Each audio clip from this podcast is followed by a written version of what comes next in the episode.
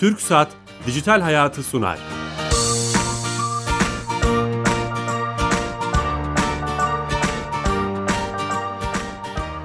Dijital Hayat'a hoş geldiniz. Her cuma TRT Radyo 1 mikrofonlarında internet, teknoloji ve sosyal medyanın hayatımıza etkilerini, avantaj ve dezavantajlarını konuşuyoruz. Bu hafta belki 3-4 senedir gündemimizde olan çok önemli bir konuyu ve sosyal medya algısını konuşacağız. Çok değerli de bir konuğumuz var. Mültecileri konuşacağız. Sadece Türkiye'nin değil belki tüm dünyanın sorunu haline gelen e, bir insanlık krizi haline gelen mültecileri ve onların sosyal medya algısını konuşacağız. Tabii bunun çok boyutu var ama biz sosyolojik boyutuyla hem bu internet ve teknolojinin hayatımıza etkilerini kişisel olarak e, merak eden, bu konularda çalışmalar yapan hem de sosyoloji konusunda uzman doçent doktor Yusuf Atıgüzel İstanbul Üniversitesi Sosyoloji Bölümü öğretim görevlisi Sayın hocamızla konuşacağız. Hocam hoş geldiniz. Hoş bulduk. Nasılsınız? Çok teşekkür ederim. Siz nasılsınız? Sağ olun hocam. Hepsi kişisel ilginizi biliyorum bu konuda. Sosyal medyayı takip ediyorsunuz, medya algısını takip ediyorsunuz. Hem de sosyoloji zaten sizin disiplininiz, evet. uzmanlığınız alanınız. Bunu bunu konuşacağız uzun uzun. Öncelikle dinleyicilerimizden e, ufak bir belki de e, e, bilgi notu vermek istiyorum. Hafif bir gribim var. O yüzden sesimden dolayı şimdiden özür diliyorum dinleyicilerimizden. Ama öncesinde hocam sponsorumuz TürkSat. Bizim e, programımızın sponsoru yaklaşık evet. 63 programdır. Bir buçuk seneye yaklaştı. E, Türkiye'nin teknoloji dönüşüm firması biliyorsunuz Türkiye Gov.tr'yi işleten yapan firma. E, onun e, sponsorluğunda ve desteğiyle ilerliyoruz. Her hafta Ankara'ya bağlanıyoruz ve bir uzman direktör arkadaşımız bize o haftanın özelliğini bize anlatıyor. Hayatımızı kolaylaştıran özelliğini. E, Tuğan Bey hatta sanırım. Tuğan Bey Alo Tuğan Bey. Sanırım bağlantıda bir şey var. Teknik arkadaşlarım bakıyor. Hocam biz e, hemen aslında konuya girelim bence. E, evet. O bağlantı yapılana kadar. E, mültecilerin bir medya ve sosyal medya algısı artık yavaş yavaş Türkiye'de de bu konu gündemde ve konuşulmaya başlıyor. Mülteci tanımıyla mı başlasak önce? Mülteci nedir? Hani evet. sizin de bu konularda çalıştığınız için. Evet, mülteci e, dediğimizde kendi yaşadığı topraklardan, vatanından ait olduğu ya da pasaportunu taşıdığı ülkeden e, can, mal, güvenliği veya siyasi görüşünden dolayı orada bir emniyet olmadığı için veya baskı gördüğü için ayrılmak durumunda kalan ve en önemli noktada kendi ülkesinin korumasından faydalanamayan kişi başka bir ülkeye giderek koruma talep ediyor. Aslında biz mülteci diye bunlara diyoruz. E, tanımı bu. Tanımı bu. Yani bunun içerisinde ekonomik boyutlu olanlar var mı? Elbette var. Onlar daha çok ekonomik mülteci, ekonomik göçmen olarak ayrıştırmak lazım onları. Mülteci dediğimiz zorunlu olarak kendi ülkesinden ayrılmak zorunda kalan ve ülkesinin korumasından faydalanamayan kişileri kastediyoruz aslında. Evet mülteci tanımını aldık. Ülkemizde sanırım 3 milyona yaklaştı. Ee, Sadece Suriyeliler 3 milyona yaklaştı. Suriyeliler, diğer devletlerden de var. Onu evet. konuşacağız ve onların e, ülkemizdeki algılarını, sosyal medya algısını konuşacağız ama telefon hattımız hazırmış. Tuğan Bey. Merhabalar. Ha, hoş geldiniz tekrar yayınımıza. Sağ olun, teşekkür ederim. Bu hafta sağ olun, teşekkürler. Bu hafta hangi özelliği anlatacaksınız? Ya aslına bakarsanız Edebiyat Kapısı'nın şu an için e, mülteciler başlığı altında konuşmak gerekirse diye konuş, e, bir sohbet tarzında olsun istedim. Tamam. E, şu an normalde 98'de başlayan kimlik numarası veriliyor Suriye'den giriş yapan kişiler için söylüyorum. Ee, ama bunların bir kısmı da 99'da başlayan yani yabancı kimlik numarası dediğimiz e, devlet kapısına da giriş imkanı sunan yabancı kimlik numarası da verilmeye başlanmış benim bildiğim üzere söylüyorum bunu. Ee, şu an bütün mülteciler aslında devlet kapısına ulaşamıyorlar. Ee, ama 99'da başlayan kimlik numarasını veren verildiği haliyle e kapısını kullanmaya başlayabiliyorlar. e kapısında da e, işte öz hakları çerçevesinde işte gerek SGK ile gerek e, Sağlık Bakanlığı ile ilgili gerekse Adalet Bakanlığı ile ilgili konularda veya Milli Eğitim Bakanlığı ile ilgili konularda hizmetlerini alabiliyorlar. Ee, hani bunu genel olarak söylemek gerekir diye söyledim. E, çok güzel bir gelişme bu. Olsun. Yani mülteciler evet, evet. E, e-devlet kapısını kullanabiliyor. Yani şöyle e, yabancı kimlik numarasına sahip olan mülteciler. Bu e, e, konuşmacımız zannediyorum bu konuda zaten daha detaylı bilgi verir ama e, ilk girişlerinde 98'de başlayan bir özel numara oluşturuldu MVI tarafından. E, ve sonrasında bunlar e, yerleşke haline geldiği için, yerleşik noktaya geldiği için de 99'da başlayan numarada verilmeye başlandı diye biliyorum.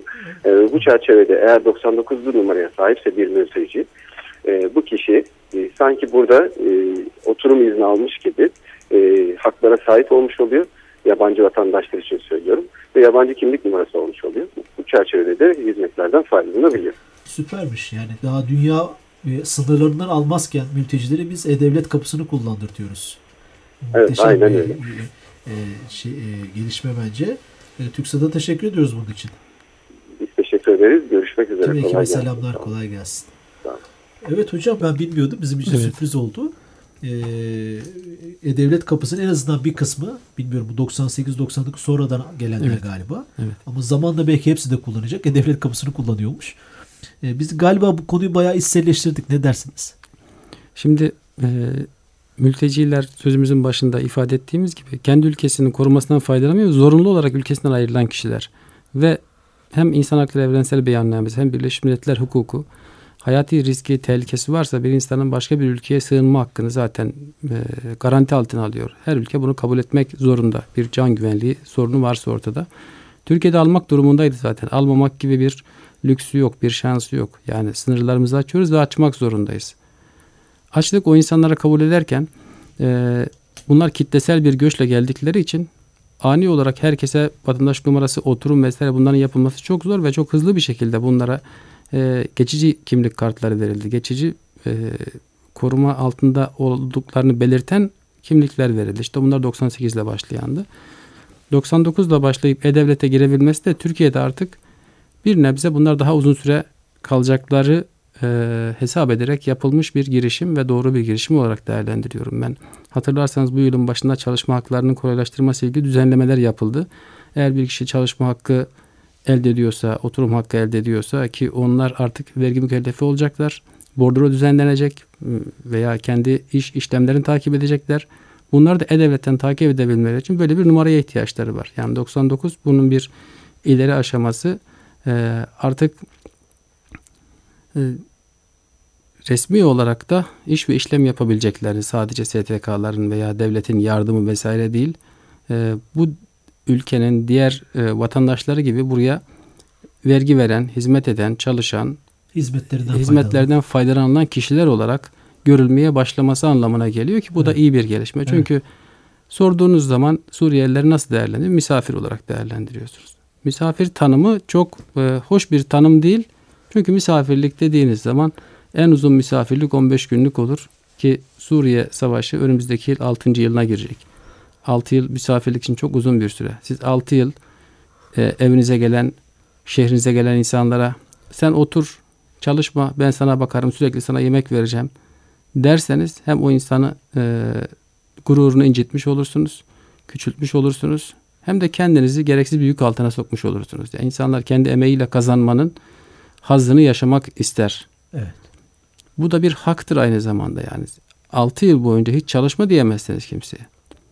Doğru. Yavaş yavaş onlara da hakları verilmeli ve evet. o haklardan doğan onlardan talep ettiğimiz şeyler de alınmalı evet. gibi anlıyorum. Evet. Hocam e, şimdi bizim program konseptlerine uygun olarak e, biz hani sosyal medya ve internetin hayatımıza etkilerini konuştuk. Bu, bu konuyu da sizinle konuşmak isterken mülteciler acaba sosyal medyada, internette daha büyük şemsiye olarak özellikle de sosyal medyada nasıl algılanıyor? Yani hem biz hani e, kuca e, işte el, e, evimizi onlara açan bizler olarak veya onlar açısından iki taraflı belki de bakmak evet, lazım. Evet. Bu konuda nasıl giriş yapmak lazım? Ne dersiniz?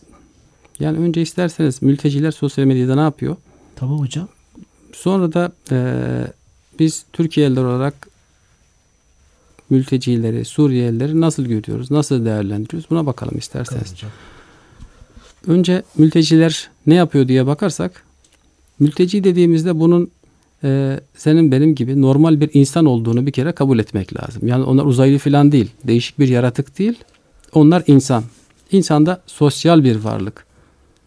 Yani e, belki sadece şöyle bir söz var. Yani sosyoloji şeyinde kullandığımız belki sadece Tanrı tek başına yaşayabilir. Başka hiçbir canlı tek başına yaşayamaz. İnsan tek başına yaşayamıyorsa mutlaka bir kişiyle, bir grupla, bir toplumla birlikte yaşamak durumunda. Bu da insanın sosyal bir varlık olduğunu gösteriyor. Sosyal varlık olmasa da kendi dışındaki kişilerle iletişim, işbirliği ve birlikte yaşamasını zorunlu kılan bir şey.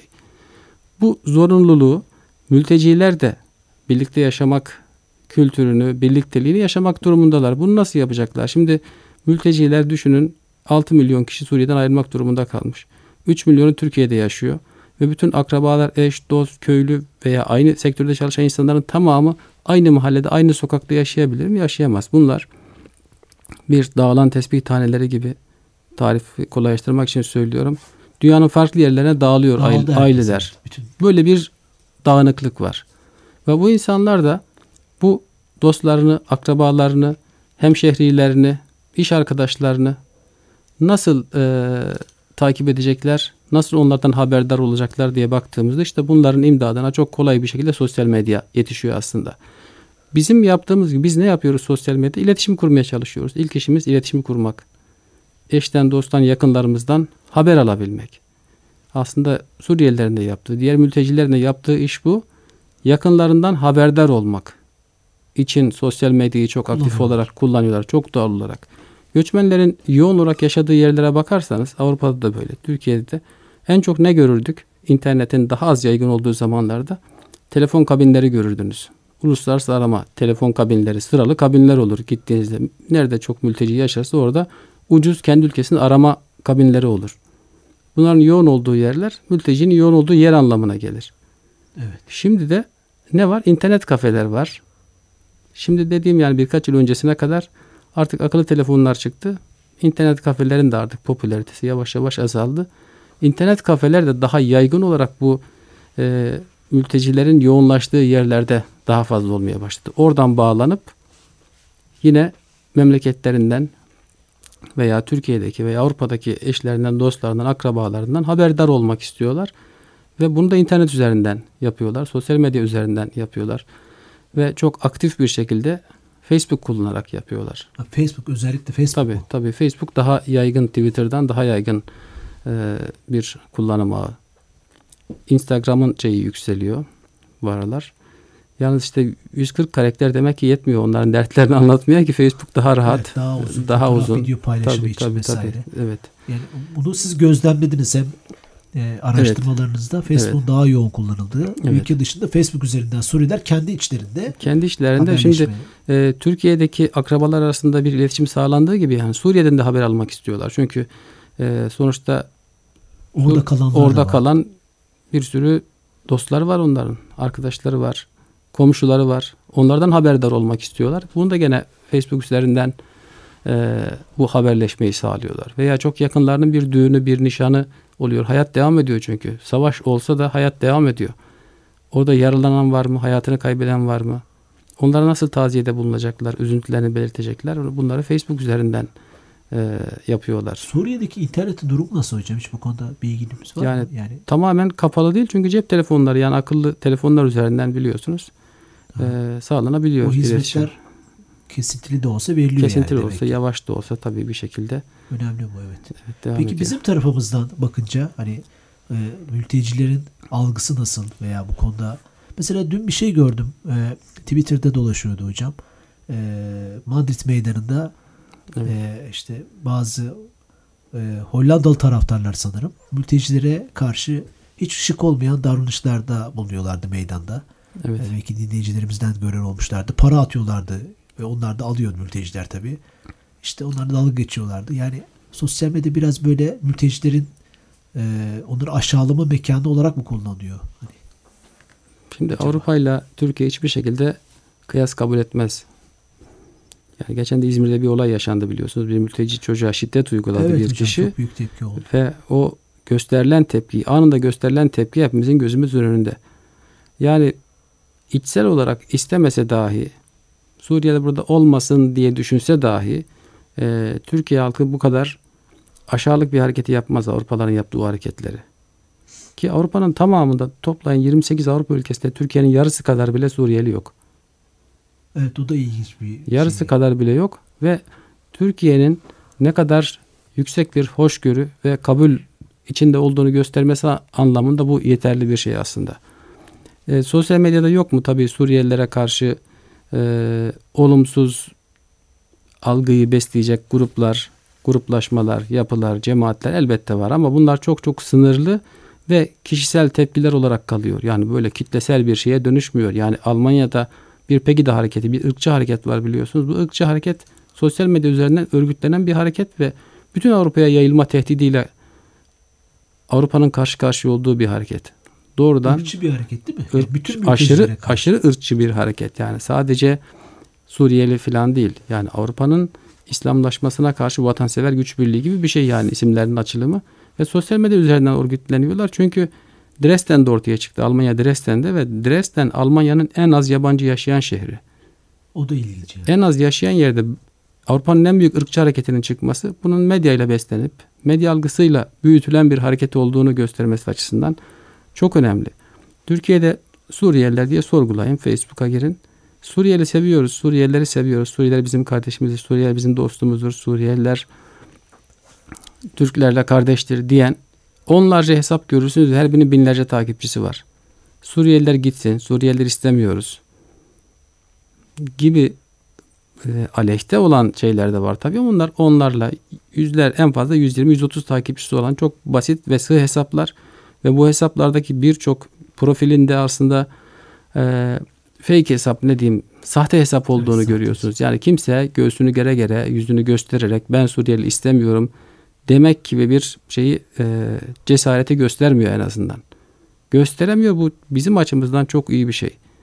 Bizim hoşgörü eşiğimizin çok yüksek olduğunu gösteren bir şey aslında. Yani Suriyelilere sahip çıkan vakıflar, dernekler, şahıslar ayrı bir şey. Bu konuda tabii. kendini gösteriyor ve kampanyalar yapıyor, etiketler açıyor, bir sürü evet. faaliyet yapıyor. Bu çok önemli ama evet. karşı olanlar ise kendini saklıyor, bir şeyden çekiniyor demek ki. Evet yani e, böyle bir sosyoloji var yani. Şundan bahsedelim. Yani bir formel bir STK'dan bahsetmiyorum. Ee, bir sanal cemaatten bahsedersek yani bir Suriyeli dostluğu bir cemaat kuruyor bir tane. Aslında bu cemaat sanal bir cemaat. Sosyal mesleği hitapları da aslında bizim kurduğumuz sanal cemaatler. Bunu hem e, mülteciler, Suriyeliler çok aktif kullanıyor. Hem de biz çok aktif kullanıyoruz. Bizim bireysel olarak açtığımız bu tür hesapların da takipçileri açısından baktığımızda e, Suriyelilere destek olan, onları korumak isteyen, onlar kardeşimizdir diyenlerin takipçileri çok daha fazla ve çok hızlı büyüyor.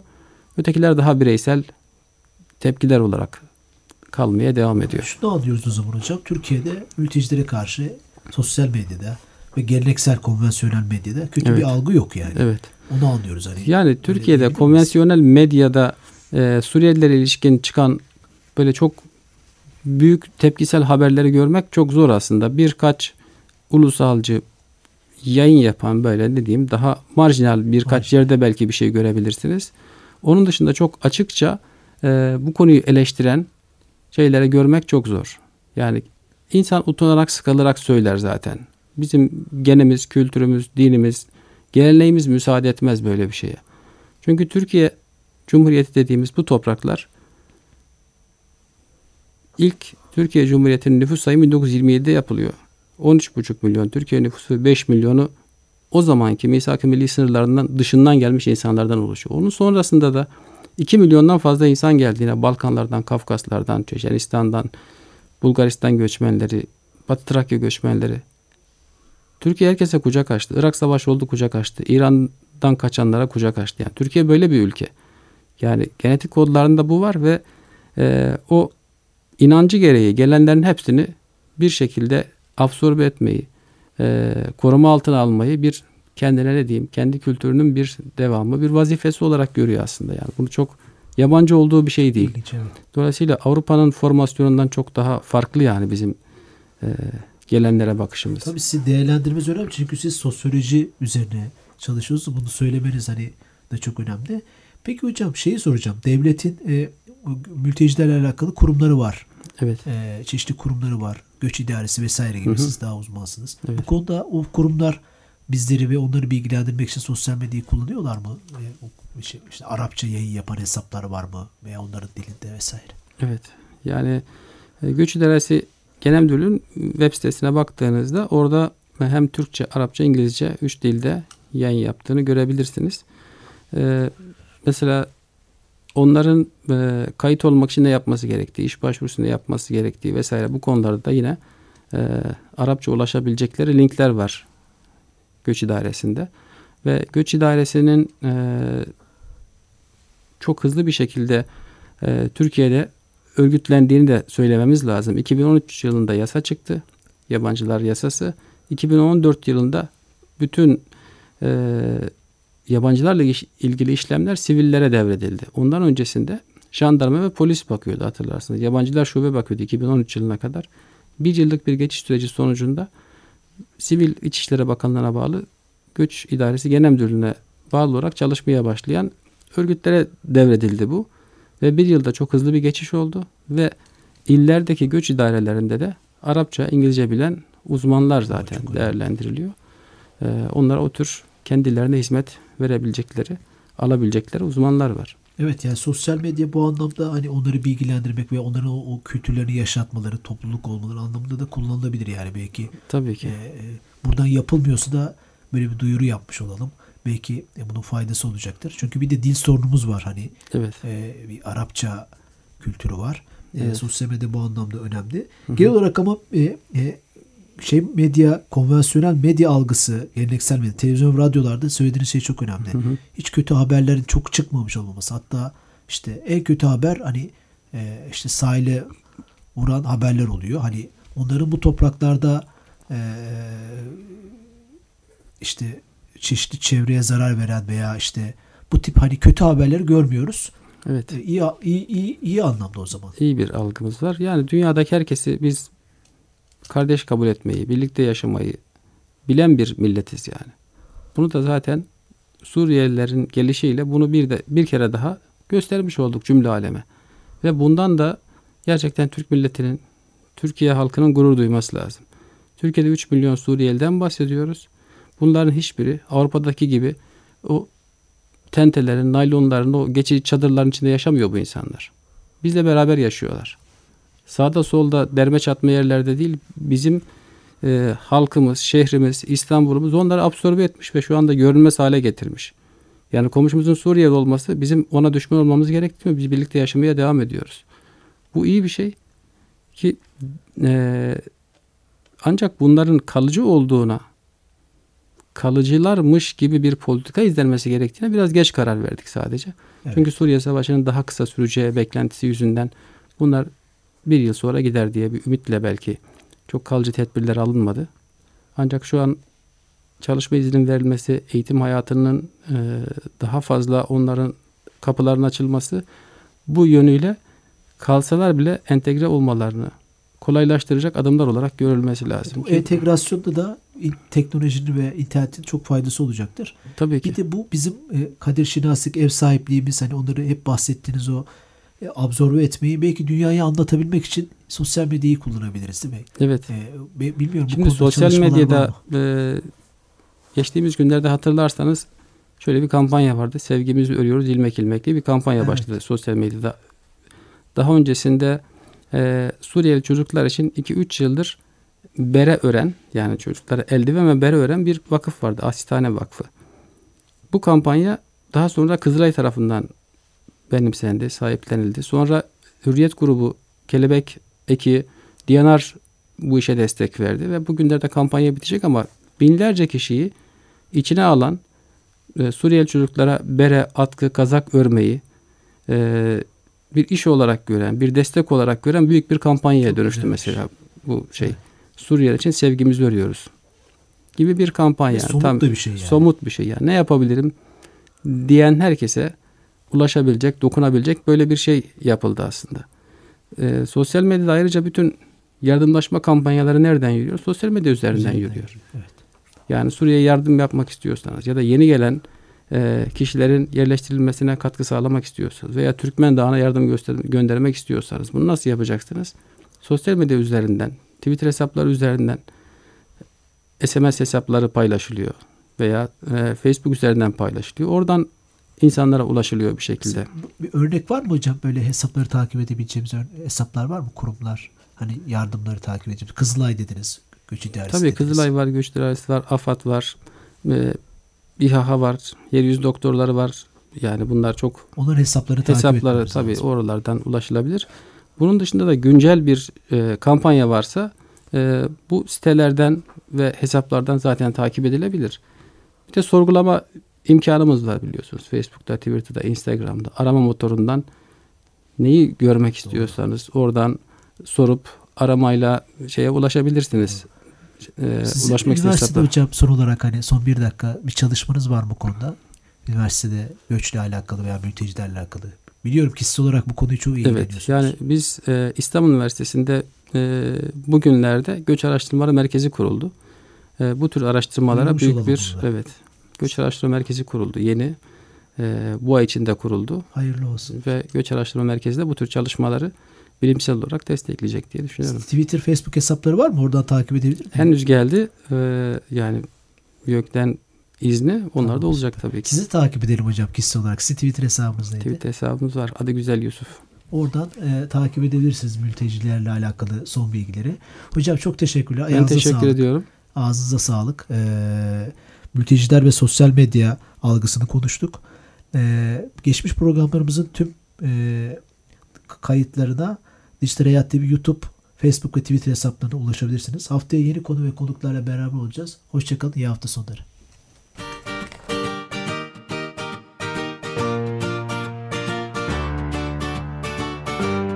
Türk Saat Dijital Hayatı sondu.